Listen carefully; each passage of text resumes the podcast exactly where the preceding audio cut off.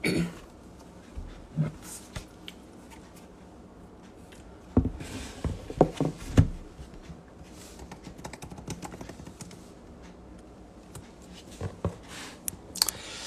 malam semuanya.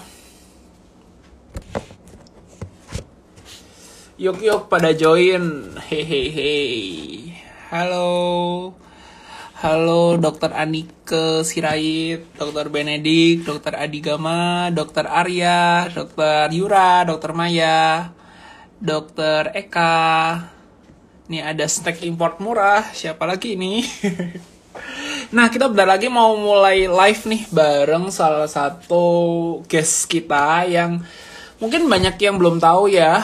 Beliau adalah seorang surgeon, uh, especially pediatric surgeon, jadi seorang dokter bedah anak. Dan mungkin belum terlalu ini ya, belum terlalu sifatnya happening seorang dokter yang sudah mengambil uh, spesialis bedah anak tanpa harus mengambil spesialis bedah umum. Jadinya dia uh, beliau berarti dalam tanda kutip masih muda nih jadinya masih baru lulus kurang lebih 2 sampai 3 tahun yang lalu nah kemudian uh, saat ini mau berbagi sedikit tips and trick about sakit perut pada anak. Nah kira-kira mungkin mostly yang nonton di sini adalah mahasiswa kedokteran atau dokter umum.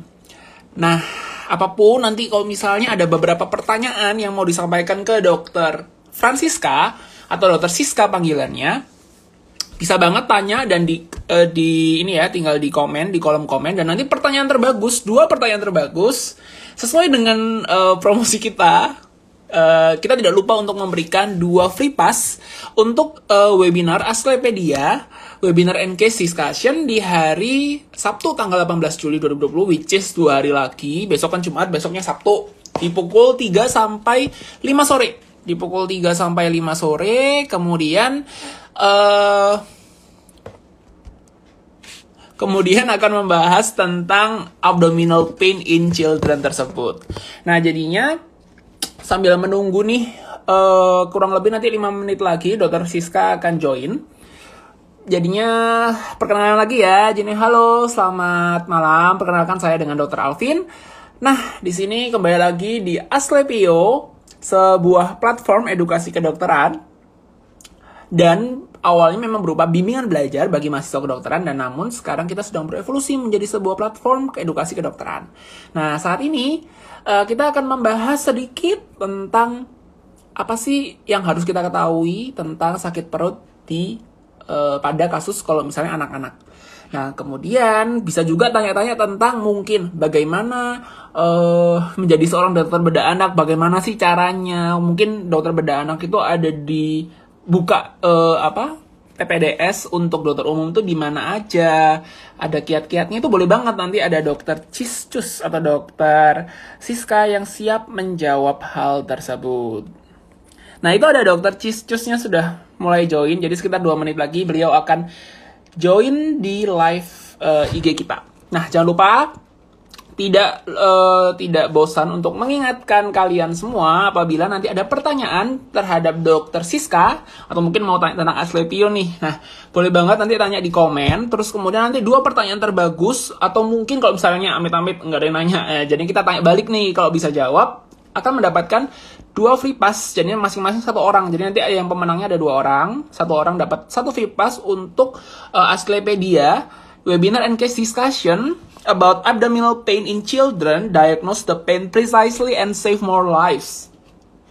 Tanggal hari Sabtu tanggal 18 Juli 2020. Nah, ini kalau promosi sedikit ini adalah posternya. Tara. Hmm. Nah, ini adalah posternya. Jadi nanti pembicara pertama itu akan ada Dr. Andi Dharma, spesialis anak konsultan. Beliau adalah uh, dosen di Fakultas Kedokteran Universitas Airlangga mengampu bidang pediatri, kemudian mengambil subspesialisnya yaitu adalah konsultan di bidang gastrohepatologi pada bidang pediatri. Nah, kemudian uh, yang kedua itu adalah Dokter Francisca atau Dokter Siska, spesialis bedah anak. Beliau adalah staff dan dosen juga di Fakultas Kedokteran Universitas Airlangga, RSUD Dr. Stomo dan beliau mengampu di bidang uh, bedah anak atau pediatric surgeon. Jadinya lumayan wow ya. Nah, monggo Dokter Siska silakan join. Nanti apa pun mau tanya apa pun mau tanya dokter Siska ini uh, saat ini ngapain kemudian dokter Siska mungkin uh, lagi ada project apa atau mungkin ada penelitian apa boleh banget loh jadi siapa tahu nanti bisa mendapatkan sebuah opportunity baru dari sini nih gitu nah ini waiting for Dr. Siska dari Instagramnya at CHIZ underscore CHIZ. Ya, halo dokter. Selamat malam dokter. Eh, malam, malam, maafin. Apa kabar? Iya, baik-baik. Wah, dokter kelihatannya malam-malam begini walaupun self quarantine ini ya cantik ya, dok. Khusus buat IG ini aja. Biasanya kita ada kill soalnya maskeran ya kan? Siap, siap, siap. Pasti rindu ya, dok ya kalau make upan ke mana-mana ya, dok lumayan irit kita irit selama beberapa bulan. Siap siap dok. Dok jadinya nanti uh, ini kira-kira kurang lebih 45 menit lah ke depan itu kita kita okay. membahas sedikit nih tentang seorang dokter Siska terlebih dahulu. Terus kemudian mungkin banyak yang kepo dokter Siska siapa sih? Spesialis bedah anak tuh ngapain aja sih? Bidangnya tuh bagiannya apa aja sih? Nah setelah itu nanti kita mengulik sedikit ya dok tentang topik besar kita hmm. yaitu adalah uh, sakit uh, perut pada hmm. anak Oke. Okay. Siap, Dok? Siap. Lu bikin ini jadi kayak deg-degan gitu, Padahal cuma kenalan doang. ya, kalau pada juniornya sekarang agak sedikit ini ya, Dok ya. Mengintimidasi. iya, makanya junior zaman now ya. Zaman now. Siap. Ya udah eh, saat ini saya izin menyapa dulu teman-teman. Jadi sekarang yang bergabung di live kita ada 21 orang, Dokter. Uh, mungkin hmm. ini mahasiswa kedokteran, kemudian ada dokter umum juga, atau mungkin ada dokter spesialis juga. Jadinya, halo, selamat malam. Panggilan Hai, saya minta kepada viewers kita adalah Asklepian ya dok. Jadi selamat malam Asklepian. Hai Asklepian. Ini udah ku wave-wave nih. nah, kemudian uh, kita akan membahas hari ini tentang sakit perut pada anak itu kira-kira dia uh, apa ya uh, kita harus ngapain sih sebagai seorang dokter? Kadang-kadang kan susah nih anak itu nangis doang kemudian nggak bisa ngomong kadang-kadang malas ngomong. Nah kira-kira dengan hal yang kita menerka menerka ini apakah itu bisa? Nah ini dokter Siska siap untuk menjawab hal tersebut gitu. Dan jangan lupa nanti teman-teman okay, kalau ada dua pertanyaan dua pertanyaan ke dokter Siska, apa pun itu yang menurut dokter Siska itu bagus dan menurut saya dokter menurut saya juga oke. Okay. Nah, itu siap untuk kita berikan free pass webinar di Asclepidia Good Morning Knowledge di hari Sabtu 18 Juli 2020. Temanya adalah abdominal pain in children. Nah, ini ada pembicara yang pertama ada Dokter Andi Dharma, spesialis anak konsultan. Kemudian ada Dokter Siska sendiri. Ini cantik banget ya, Dok ya, ada di sini ting ting. Dokter Itu namanya spesialis bedah anak. Ia akan membicarakan abdominal pain mungkin dari sisi medis maupun sisi bedahnya. Nah, tapi mungkin malam ini sedikit tentang sisi bedahnya. Oke. Okay. Nah, Dokter Siska, kalau boleh tahu, boleh perkenalan sedikit nggak sih dok? Dokter ini, mohon maaf siapa? Kemudian umurnya berapa kalau boleh tahu? Terus sekarang sibuk ngapain sih dok? Oke, okay, uh, eh, halo semuanya Asklepian. Selamat malam, nama saya Siska, nama lengkapnya Francisca Kusuma Widabdo. Kalau mau yang nge-add Instagram bisa di add Ciscus ya, ICCUZ, atau di add Hello Dr. Siska. Uh, aku sekarang usianya 35 tahun, FK-nya dari FK UNER tahun 2002. Kemudian okay. aku lanjut ke uh, spesialis satu beda anak di Bandung. Terus dari sejak okay. tahun 2015 aku mengajar di Rumah Sakit Dr. Sutomo dan prakteknya selain itu di Rumah Sakit Premier Surabaya. Iya. Terus sekarang ini paling sibuknya ya work from home ya, kuliah Zoom. Habis itu bercocok tanam. Eh, bercocok tanam apa itu, Dok? Kira-kira oh. menanam bunga deposito kah? Itu, itu, itu yang paling penting karena uh, dari semua bunga memang di bunga deposito eh. adalah kunci, ya kan? Oh iya siap. Terus kemudian sibuk apa lagi dok? Terus habis itu uh, aku ada podcast, podcast pembicaraan santai. Kalau ada yang mau uh, nge-add di add obrolan kamar jaga. Buat yang bosen-bosen di obrolan kamar jaga ya dok? Yes, betul banget. Okay. Bisa, cu, bisa stay tune dan dengerin obrolan-obrolan kita yang ya kadang-kadang ngalor ngidul tapi menghibur ya. Siap. Oke, dok kalau boleh tahu nih, selama pandemi COVID ini kan sudah berjalan hampir empat bulan ya dok. Nah Yes. kira-kira dokter sebagai seorang surgeon itu kira-kira eh, apa jumlah operasi itu berkurang sekali atau bahkan sama sekali nggak operasi dok selama empat bulan terakhir? Operasi elektif awalnya kami masih ini ya, kita awalnya masih operasi ya. Tapi lama-lama eh, sejujurnya karena jumlah penderita COVID sendiri di rumah sakit kita itu semakin banyak Oke. dan kita kita juga menyediakan space untuk mereka untuk perawatan Mm-mm. serta mengurangi resiko kontak pasien maupun orang tuanya ke COVID sendiri, maka akhirnya sekitar sebulanan yang lalu kita putuskan untuk hampir berhenti total untuk yang elektif, untuk yang elektif ya. Untuk yang gawat darurat kami masih jalan seperti biasa. Oh gitu, oke. Berarti eh jadi kalau untuk gawat darurat nggak ada kata no ya dok? Because No, patient no. is Sementara ya, masih ya? yes betul. Iya. Keselamatan Eh. Anda adalah prioritas kami. Oh mantap. Itu ada yang nulis tuh ditunggu Oka Jips episode berikutnya ya dok. Oh siap siap. Podcastnya udah ke mana-mana nih dok. nah kalau boleh tahu posisinya di mana dok sekarang? Mungkin work from home-nya lagi dari di Bandung mungkin atau di di Bali Posisi mungkin di rumah. Atau- oh di rumah di Surabaya ya dok berarti. Yo, lagi di Surabaya Oh. ini. Mantul di zona-zona hitam ya dok. Ya Surabaya masih zona hitam kan ya? Hitam-hitam dulu lah ini. Nah, kira-kira dok, saya mau nanya dikit- sedikit nih dok, Ya. dari sisi dokter menanggapi dengan kebijakan new normal ini dok, maksudnya kira-kira eh, bagaimana ya dok? Maksudnya berkaitan dengan eh, mungkin keluarga dan kerisauan mereka terhadap anak-anak mereka. Eh, kalau menurut saya malah untuk new normal masih kurang kenceng ya kalau untuk anak-anak. Karena sebenarnya kalau kamu lihat di TV itu banyak yang juga pengen anaknya udah mulai sekolah. Yang sebenarnya cukup berbahaya. Karena anak-anak nggak mungkin kita larang nih kayak kayak orang dewasa. Di satu sisi kita juga harus ngerti bahwa ya apa namanya kalau sudah posisi sudah agak lebih di pelosok pendidikan macam Zoom juga lebih susah ya dan Oke. lebih tidak terjang lebih tidak terjangkau. Jadi ya sebenarnya sih saya sih berharap kalau bisa anak-anak ini harus tetap safe karena jumlah anak-anak dengan COVID sekarang nggak diketahui Oh, pasti. Dan sebenarnya penularan melalui anak-anak cukup banyak. cukup banyak ya dok. Yes, cukup banyak. Kemarin Ada- aku dapat baby dua bulan. Itu aku Oh. mau sunat eh, karena sekarang kebijakannya di rumah sakit yang lain lagi ada kebijakan rap- rapid test untuk semuanya. IgG dan IgM-nya dua-duanya positif. Wow. So, hati-hati dengan anak-anak yang kita pikir kayaknya aman-aman, tapi kita mesti hati-hati. Di satu sisi, orang tua juga jangan sampai nih, anaknya sakit perut, misalnya gawat atau gimana, jangan sampai nggak ke rumah sakit karena takut. Jadi, harus ada apa ya, balance antara ketakutan dan eh, rasional untuk, oke, ini nggak apa-apa dan ini jangan gitu. Oh gitu ya dok. Dan btw dok, saya juga jadi punya pertanyaan nih. Kira-kira kalau bayi Iya, iya. itu bisa di swab nggak sih?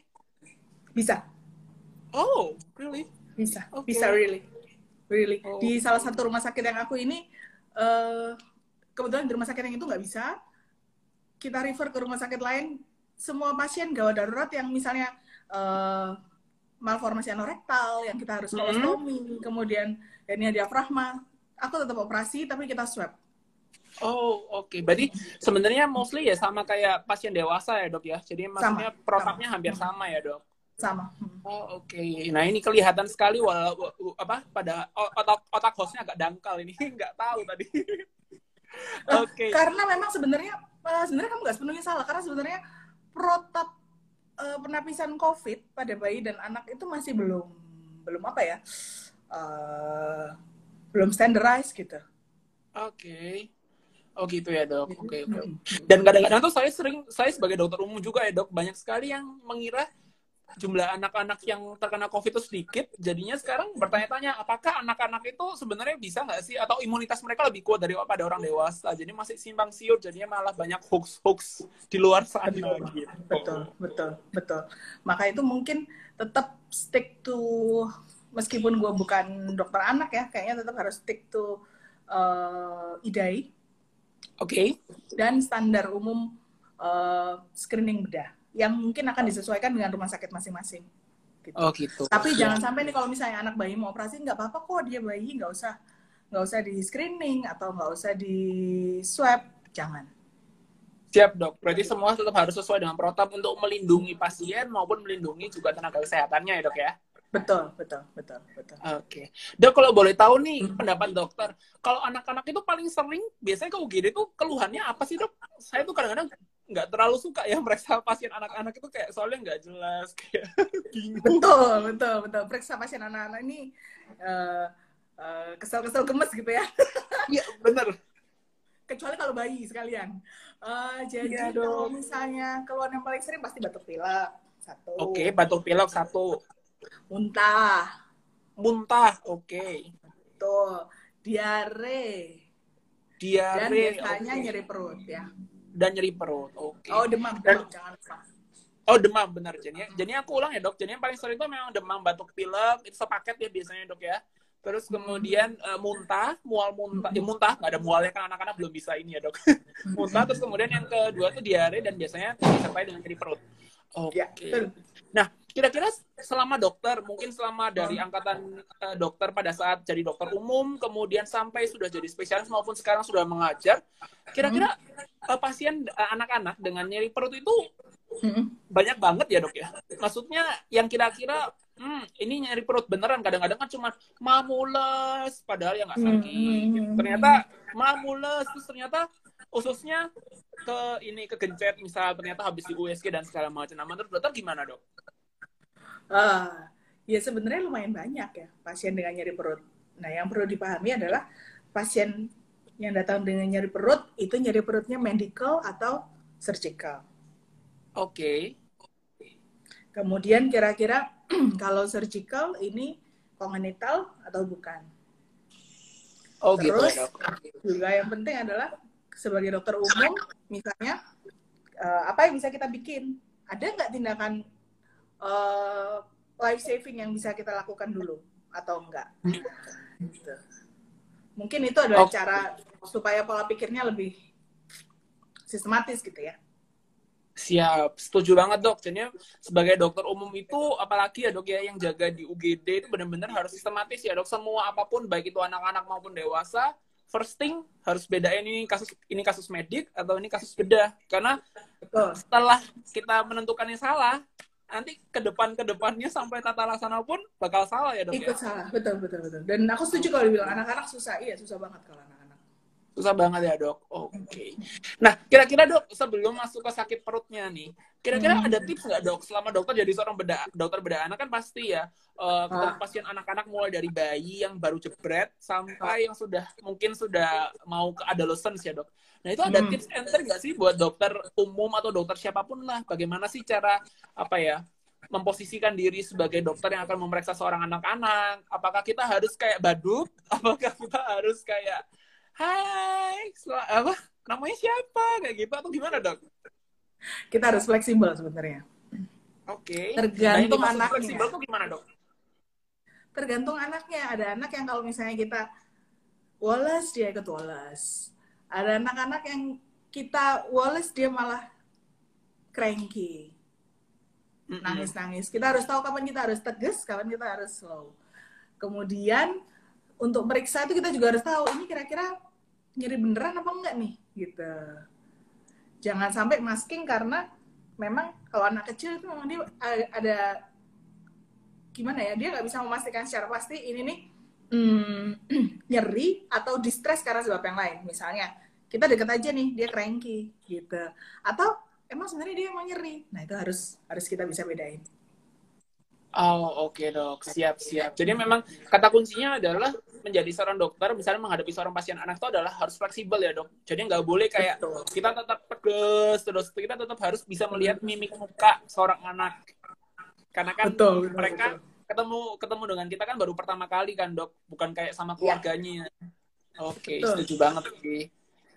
Terus dok, kemudian kalau misalnya dari sisi tadi dari nyeri perut ya dok ya. Nah itu Mhm. biasanya itu paling sering nyeri perutnya seperti apa sih dok kalau anak-anak itu apakah mereka mengeluh kayak nyeri perut yang kayak mules kayak perutnya melilit atau dok sakit banget kayak ketusuk gitu atau Nah. bahkan nyeri perut yang kayak perutnya keras gitu dok gimana dok Itu dia. Kita harus bisa bedain. Nyerinya tuh apa? Nyerinya kolik oke atau nyeri tumpul atau nyerinya macam nyeri terus-menerus seperti iskemi atau udah udah menyeluruh. Nah, itu kita harus bisa bedain. oke dari ketiga itu benar-benar different ya dok ya Totally different sebenarnya. oke Dan yang totally bikin different susah adalah karena anak-anak tuh nggak bisa ngomong jelas gitu. Mereka itu ini nyerinya terus menerus apa enggak apa gimana. Makanya kita harus pinter-pinter nih cari tahu eh, gejala klinisnya apa ya kira-kira ya. Oh ini kira-kira nyerinya terus nih atau oh ini kira-kira enggak nih. Nah itu kita harus bisa mengulik anamnesis dengan baik, periksanya juga dengan baik supaya kita jangan sampai nih salah diagnosis.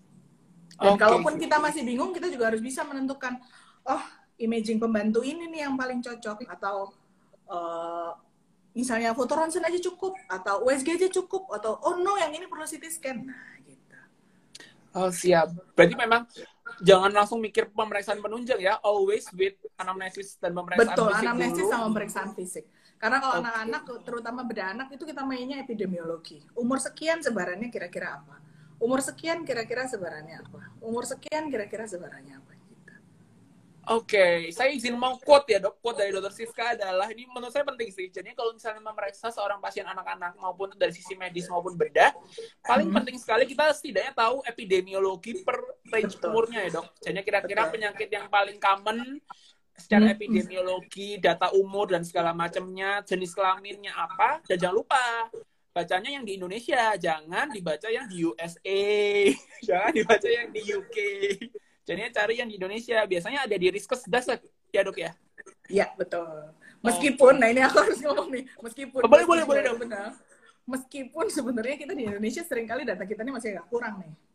Oke. Makanya mungkin buat dokter umum yang mau eh, bergabung dan eh, melakukan penelitian, mari, mari, ayo, ayo. Hmm, ini No. si Alvin dan teman-temannya ini kayaknya masalah research juga mantap ini. Nah, itu. Dokter Siska mungkin nih, siapa pun yang Asklepian yang join di live kita ini masih 25 orangan, Dok. Nah, bisa banget tinggal kontak di Instagramnya Dokter Siska, di follow ya, at cheese underscore cus. Sama ada satu Instagram lagi, ada at hello Dokter Siska. Jadi kalau misalnya teman-teman mungkin mau tertarik, beda anak tuh ngapain aja sih, kemudian ada penelitian apa sih yang bisa dibantu. Dokter Siska ini sangat welcome dengan semua opportunity yang ada, ya kan? Boleh, boleh, boleh, boleh. Iya. Kontak aja, DM, DM, DM. DM, DM. Siapa tahu ada yang nyangkut kan, Dok? DM, DM. Nah. Nah dok, eh, kemudian eh, untuk tadi yang dokter bilang ya nyeri perut kan memang Hmm. tadi pada anak-anak bisa ada tiga different apa tipe nyerinya seperti itu. Nah menurut saya ingin nanya sih dok sebenarnya kira-kira kalau kita meriksa seorang anak itu sebenarnya lebih baik Hmm. orang tuanya dipisah atau orang tuanya dibarengin dok. Kadang-kadang tuh saya melihat kalau anak yang sudah lumayan umur lima tahun 7 tahun ya mereka tuh belum ngomong pada saat saya tanya ini gimana rasanya seperti apa orang tuanya langsung ini loh dok batuk kemudian perutnya sakit di bagian sini dan segala bla bla bla bla bla tiba-tiba anaknya udah close kayak diem langsung bisu gitu dok gimana dok Jadi biasanya trik pertama itu kalau periksa anak-anak adalah jangan bingung sama anak-anaknya dulu. oke itu nomor satu Fokus Jangan sama di- orang tuanya dulu. Oh, oh berarti gitu ya Kenapa? Oke. Hmm. Karena kalau misalnya kita fokus sama anak-anaknya langsung, udah yang kayak langsung, "Ah, anaknya udah langsung kayak apa sih gitu. Oke. Jadi memang sebenarnya by apa ya eh, ilmunya sih emang kita harusnya biarin aja mereka main. Bahkan sebenarnya yang paling ideal kalau di luar negeri itu kamu naruh mainan di mana-mana, biarin Mhm. dia main, biarin dia Oke. main, ngobrol dulu sama emaknya sampai selesai. oh Ngobrol dulu gitu sama emaknya sampai selesai, sampai kelar, udah, baru habis itu periksa anaknya. Nah sekarang pertanyaan, periksa anaknya harus dengan orang tuanya atau enggak, ya kan? Baiknya periksa anak tetap harus sama orang tua. oh, harus sama orang tua ya dok Ha-ha. Yes, harus sama orang tua. Dan kalau bisa ada satu lagi tenaga kesehatan lain yang bareng kamu. siapa itu dok Karena jam perawat mungkin. oke Jadi harus ada dua sisi. Karena ini dari segi eh, apa ya? Dari segi eh, ethical, dari segi hukum. Kita harus selalu play safe kalau saya sih ya. Zaman sekarang kadang-kadang kita meriksa atau apa atau misalnya ada uh, pembicaraan yang gimana. Jadi jangan sampai kamu meriksa anak hanya dengan anaknya sendiri. Harus selalu dengan orang tua dan kalau bisa dengan satu orang perawat lagi. Okay. ini untuk bukan anak-anak doang ya. Kalau bisa sih sama uh, orang dewasa semua orang ya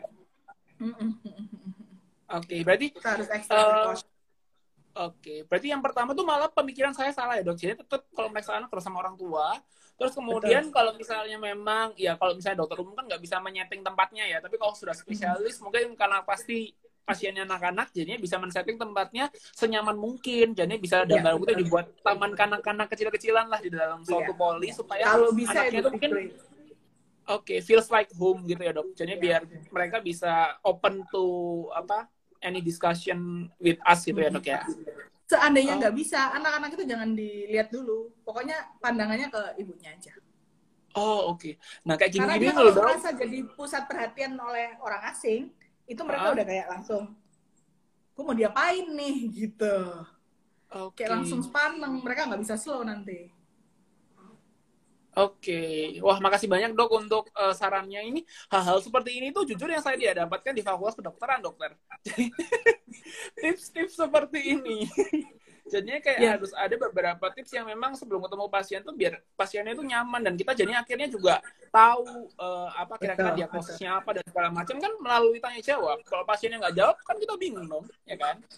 Betul, aku rasa itu pentingnya kalau misalnya kita sebagai tenaga kesehatan gitu ya, itu kita belajar ke tempat lain, ke luar negeri, ke mana, supaya kita bisa melihat nggak cuma dari sisi medikalnya, tapi secara holistik, bagaimana mereka merawat pasien, bagaimana empatinya, bagaimana simpatinya seberapa, itu itu juga penting. Oh ya, setuju banget. Terus kemudian dok, uh, nah.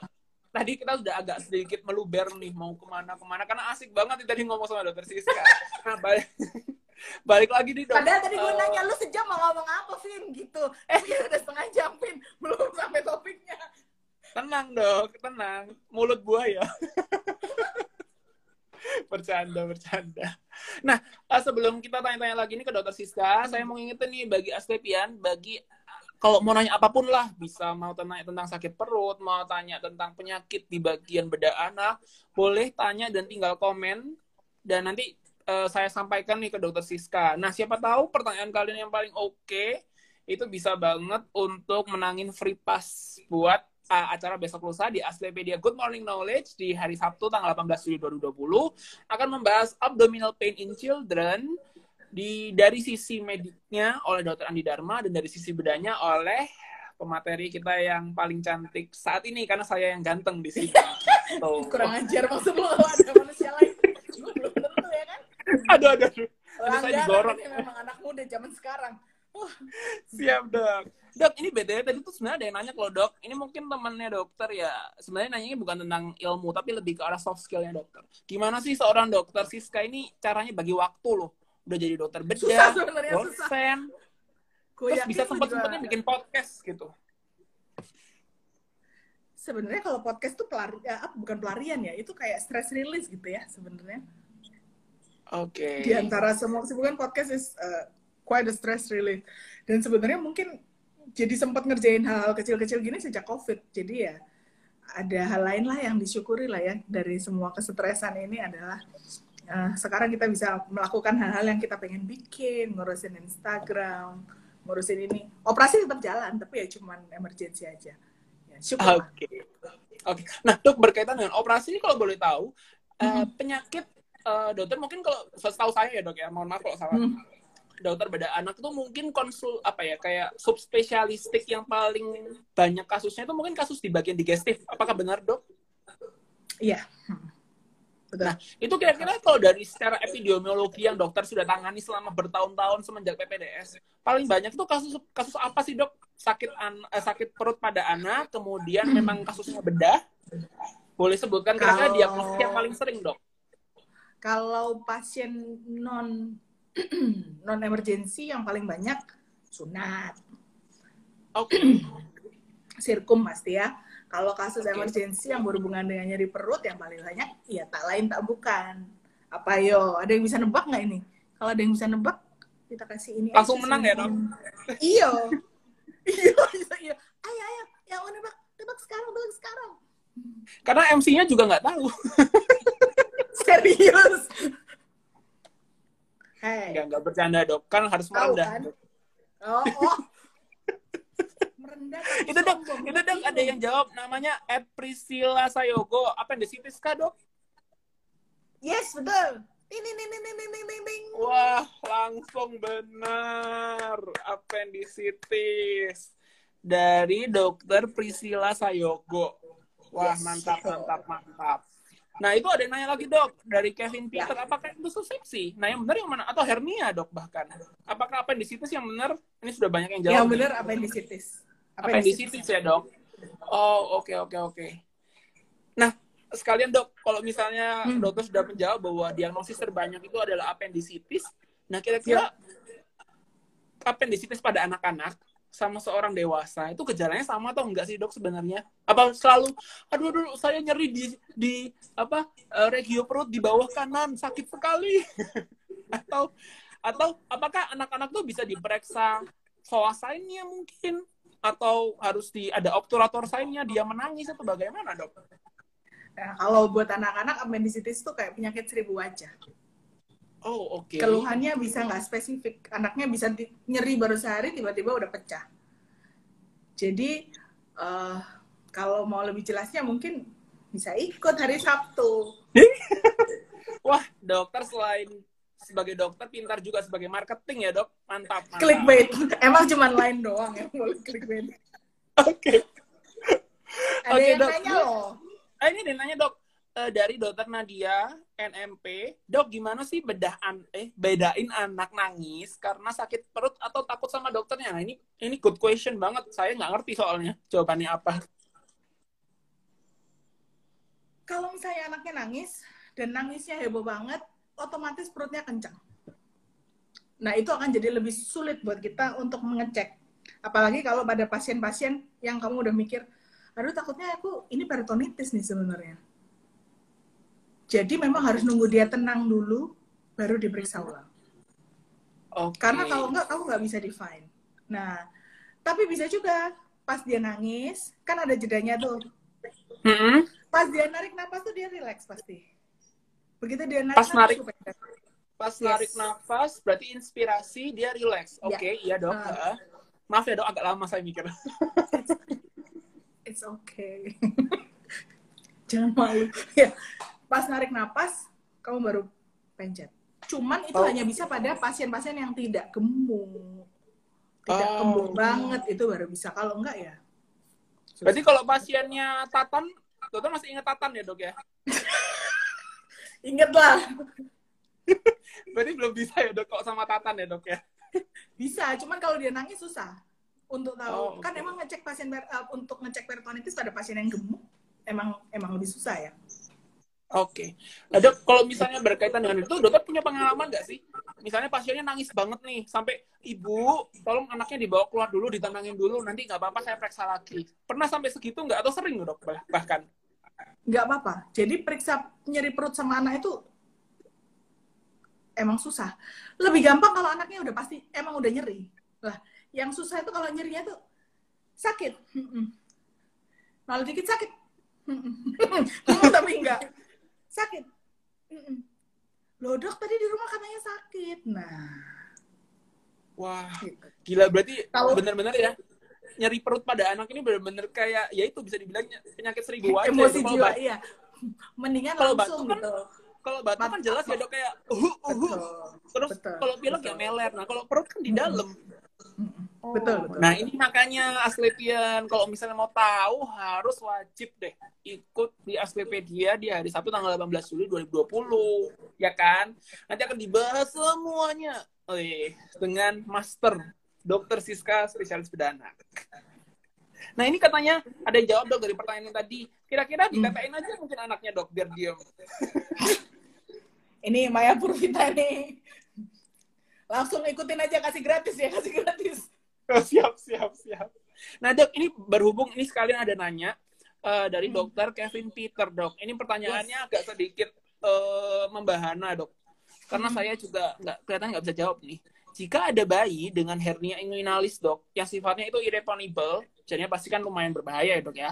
Nah bolehkah itu sebenarnya direposisi dok? Maksudnya mungkin, oh ternyata dia apa ada jendul, eh jendul apa tuh ya bahasa Indonesia, ada benjolan gitu ya di daerah inguinalnya. Terus kemudian kita iseng nih, apa itu tambah sakit atau bisa ruptur bahkan.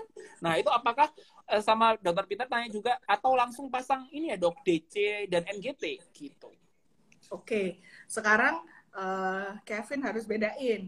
Ini reponibel, irreponibel, incarcerata atau strangulata. Oke. Reponibel bisa masuk keluar tanpa ada uh, problem. Yeah. Tanpa ada problem, tanpa ada gejala, nggak nyeri gitu, bisa masuk keluar sendiri. Kalau misalnya irreponibel, nggak bisa masuk kecuali dimasukin manual. Oh, pakai apa dok? Oh iya benar. Saya cuma bercanda dokter. oh iya, oke. Okay. Terus habis itu uh, ingkar serata kalau ada gangguan, uh, udah ada hmm. gangguan pasase. Jadi udah ada mulai ada keluhan nyeri perut, terus habis oh. itu nggak bisa kentut, nggak bisa BAB. Nah itu kita harus mulai curiga dia ingkar serata.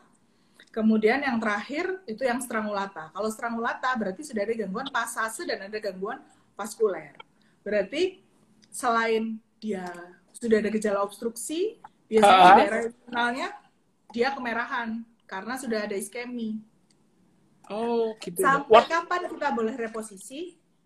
Cuman boleh sampai serata. Kalau strangulata kita nggak boleh manipulasi. Berarti kalau benjolan, terus kemudian memang ada di situ sejak lahir, mungkin kan biasanya hernia kalau pada anak-anak kan kongenital ya dok. Nah kemudian uh, itu dan uh, harus keluar kalau, masuk ya kalau nggak keluar dan masuk harus keluar masuk oke okay. hmm. kemudian kalau ada kemerahan sedikit di daerah sana itu sudah jangan diapa-apain dulu ya mending mungkin langsung kalau anaknya baik-baik di refer kah atau bagaimana dok berarti boleh dan tadi dibilang harus pasang DC dan NGT baiknya iya untuk dekompresi uh -huh. supaya memudahkan dan sedikit simptomatis memberi, membuat anaknya sedikit feel better gitu Oke, siap, siap, siap. Nah, berla itu tadi pertanyaan dari Kevin Peter udah terjawab dengan dengan nah dengan mantap. Nah ini ada dokter Vienita. Mm-hmm. Ya, dok, selamat malam dokter. Bagaimana sih pemeriksaan perut pada newborn atau bayi mm-hmm. kurang dari dua bulan yang mengalami distensi dan mengalami devan muskular? Nah ini mungkin devan muskular tuh berkaitan dengan ini ada perut kayak papan, peritonitis dan segala macam. Yes, nah itu kira yes, ada tips and trick nggak dok? Oke, okay, jadi kalau misalnya bayi kurang dari dua bulan, itu biasanya kita nggak bisa cek devans muskular. Kenapa? Karena ototnya masih tipis. Jadi kalau memang yang ditanyakan oleh Vienita ini adalah hmm, peritonitis pada bayi dan anak, biasanya kita nggak akan menemukan uh, ini apa namanya, nggak akan menemukan devans muskuler. Biasanya yang kelihatan itu malahan akan berupa kemerahan pada dinding perut. Okay. Terus itu distensi banget, mengkilat, penaektasi kalau mau tahu lebih lanjut dan cara penanganannya kalau udah kepepet, kemon. Kemon. jangan lupa lo join di Aslepedia hari Sabtu tanggal 18 Juli 2020 dan jangan lupa bahwa setelah ini pun nanti Dokter Siska bakal ngadain seri-seri berikutnya bareng Aslepedia.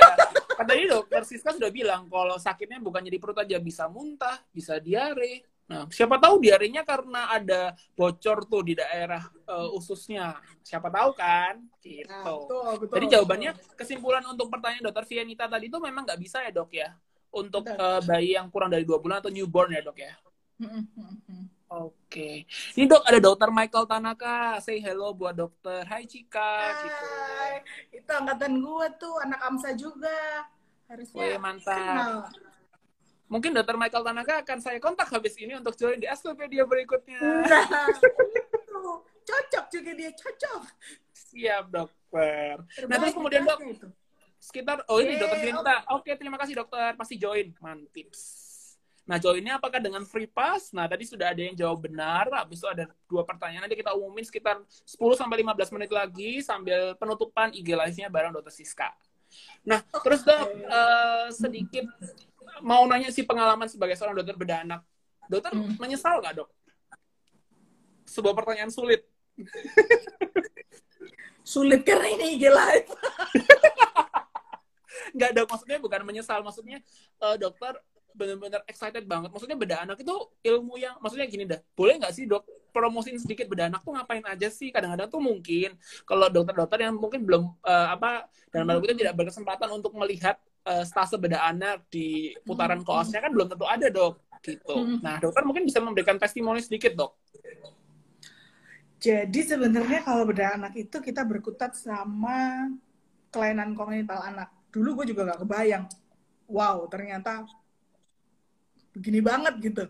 Oh, Karena begini. yang kita tahu, iya, yang kita tahu uh, begini banget in a good bukan in a good thing ya. Ya, yeah, it's a bad thing mereka mengalami itu. Tapi uh, kita baru tahu bahwa oh my god spektrum penyakitnya ini variasinya luar biasa gitu. Dan karena dia kongenital, nggak ada satupun yang sama.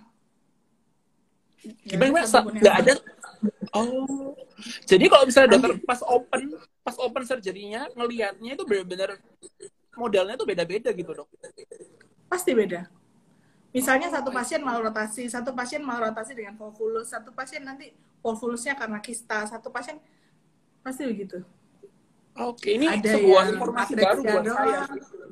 Oh, Terus ada. ada ya dulu sih aku wow ya, cuman uh, apa ya?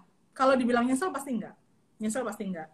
Mungkin uh, penyesalannya cuma satu kalau gue bisa ngambil yang lebih nggak situ lebih nggak situ gitu biar biar Tapi, hidupnya tetap biar hidupnya tetap ini ya dok uh, sesuai tentang. dengan apa moto kopdar aslepio kita yaitu adalah santuy apa mengurangi suntikan-suntikan botox oh okay. bayar master berkurang gitu ya. eh itu ada dokter dokter Wiltans menyita pikiran perasaan dan tenaga katanya betul dokter Will Willy ini uh, dokter tapi ini ya apa sedikit berbeda tapi dia juga sama ngobatin orang nih ngobatin orang juga dengan apa dok kok saya jadi penasaran nih jadinya dengan doa dan harapan oh dengan doa dan harapan siap siap itu kelihatannya saya jadi pasiennya dok saya butuh didoakan ya sih Oke, okay, berarti curcol ya, curcol sebenarnya. Jadi curcol. kamu nyesel jadi dokter? Mm, enggak sih, ini benar-benar sesuatu oh. yang oke okay banget. Hmm, padahal menang. Karena bisnisnya jalan ya, bisnisnya jalan soalnya ya. Aduh, aduh, enggak dokter.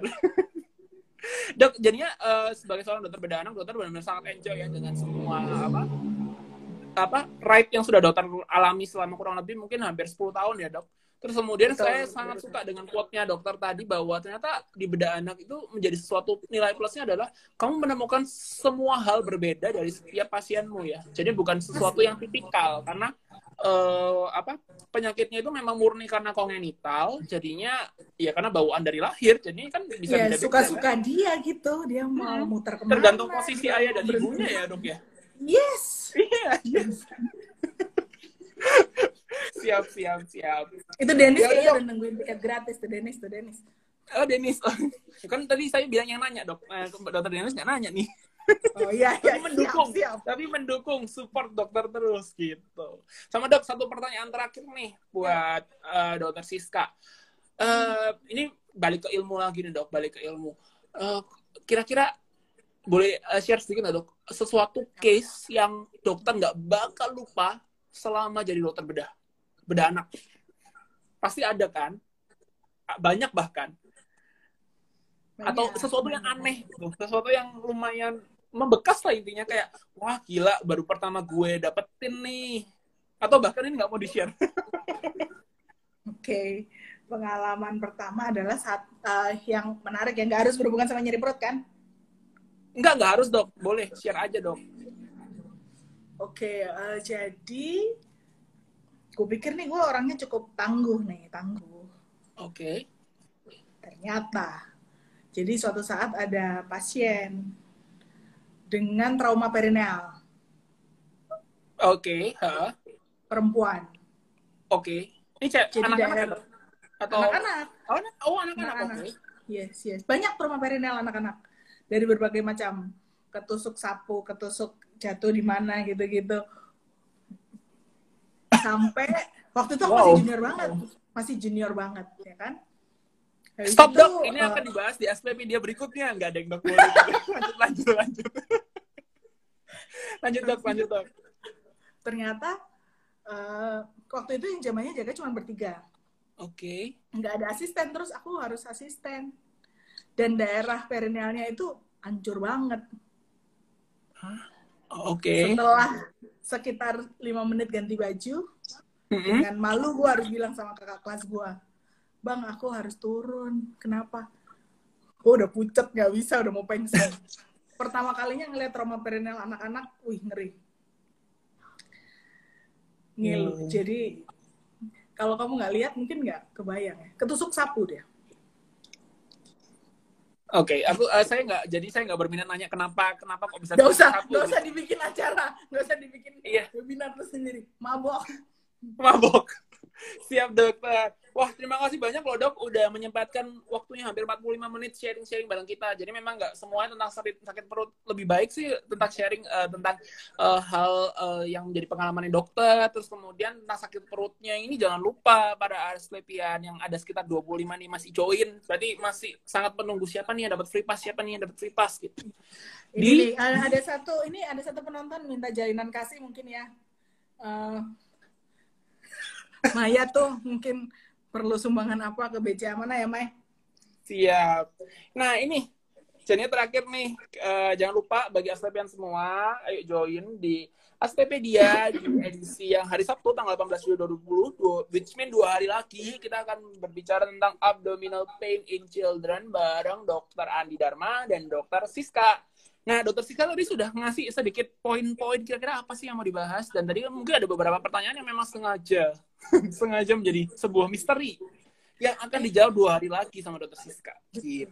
Buat Asklepian jangan lupa Dokter Adi Dharma juga paling keren di bidangnya, sudah terkenal Nah. sejak zaman gua DM. Hmm. Uh, mantul. Sudah Hmm, bisa mantul. beli. Man, jadi belum meriksa anaknya udah oh ini nyeri perut yang karena industrialisasi ya udah refer ke Siska. Anaknya masih di kampung dia udah tahu, kirim Oh. gitu. Gila, terbaik dok.